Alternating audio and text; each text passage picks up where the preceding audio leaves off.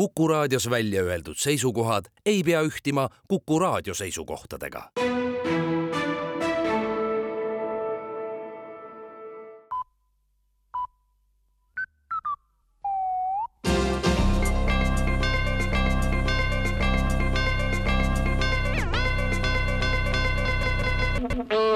tere kuulama uudiseid stuudios Rohke Debelak eile toimus erakonnajuhtide ümarlaud, kus arutati võimaluste üle taastada normaalne töörütm Riigikogus. ümarlaual toonitas EKRE, et nemad on põhiseaduse ja vabaduse poolt ja ei saa seetõttu parlamendi töö takistamist lõpetada. sotsid andsid teada, et nemad on põhiseaduse ja vabaduse poolt. Isamaa märkis, et vabadus ja põhiseadus on ülimad. Keskerakond andis teada, et põhiseadus ja vabadus on ainuõige eesmärk ja Reformierakond toonitas, et põhiseadus ja vabadus on see, mille kaitsel tuleb olla. samal seisukohal on ka Eesti kakssada õigusteadlaste üha selgem diagnoos kogu olukorral on, et käes on hetk, kus põhiseadus on hakanud ohustama põhiseaduslikku korda valitsus aga annab teada, et otsustas pärast põhjalikke konsultatsioone panustada siiski eelarves senisest oluliselt enam haridusvaldkonda. korralik haridus on valitsuse sõnul kogu riigi edu pant ja panustamine haridusse annab raskel ajal riigile ka kindlama seljataguse eeskätt antakse lisaraha põhjusel, et tulevikus oleks riigis rohkem haritud inimesi,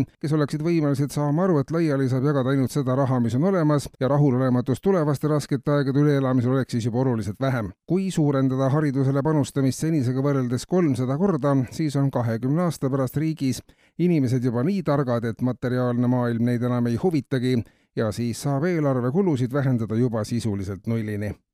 Valitsuse tänahommikusel koosolekul aga tõdeti, et Eesti astub väikeste, aga juba märgatavate sammudega inimväärsema riigi suunas. Ja üheks positiivseks näiteks on see, et mitmed ettevõtted on saatmas oma töötajaid sundpuhkusele viimastel aastatel on eestimaalased pingutanud tööd teha oma võimete piiril ja teeksid seda ka edasi, kuid valitsusepoolsed sammud ja tihe koostöö ettevõtjatega on vilja kandmas ja inimesi saadetakse sundkorras lõpuks ometi puhkusele. ilma sunnita ei lähekski paljud inimesed kunagi puhkama ja töötaksid kas või seitse päeva nädalas ja ööpäevaringselt, kuid sundpuhkus ei anna inimesele teist valikut ja lihtsalt peab pisut puhkama. sundpuhkus annab inimesele võimaluse kogeda, et on võimalik ka ilma pideva töö rassimiseta hakkama saada. valitsuse välja välja töötatud sundpuhkuse programm näeb ette, et alates järgmisest aastast töötab ainult pool inimestest ja teine pool puhkab.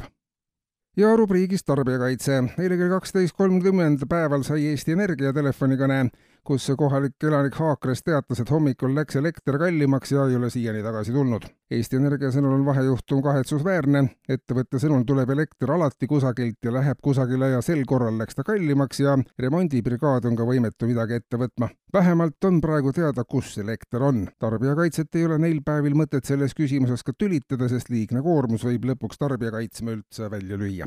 kuulsite uudiseid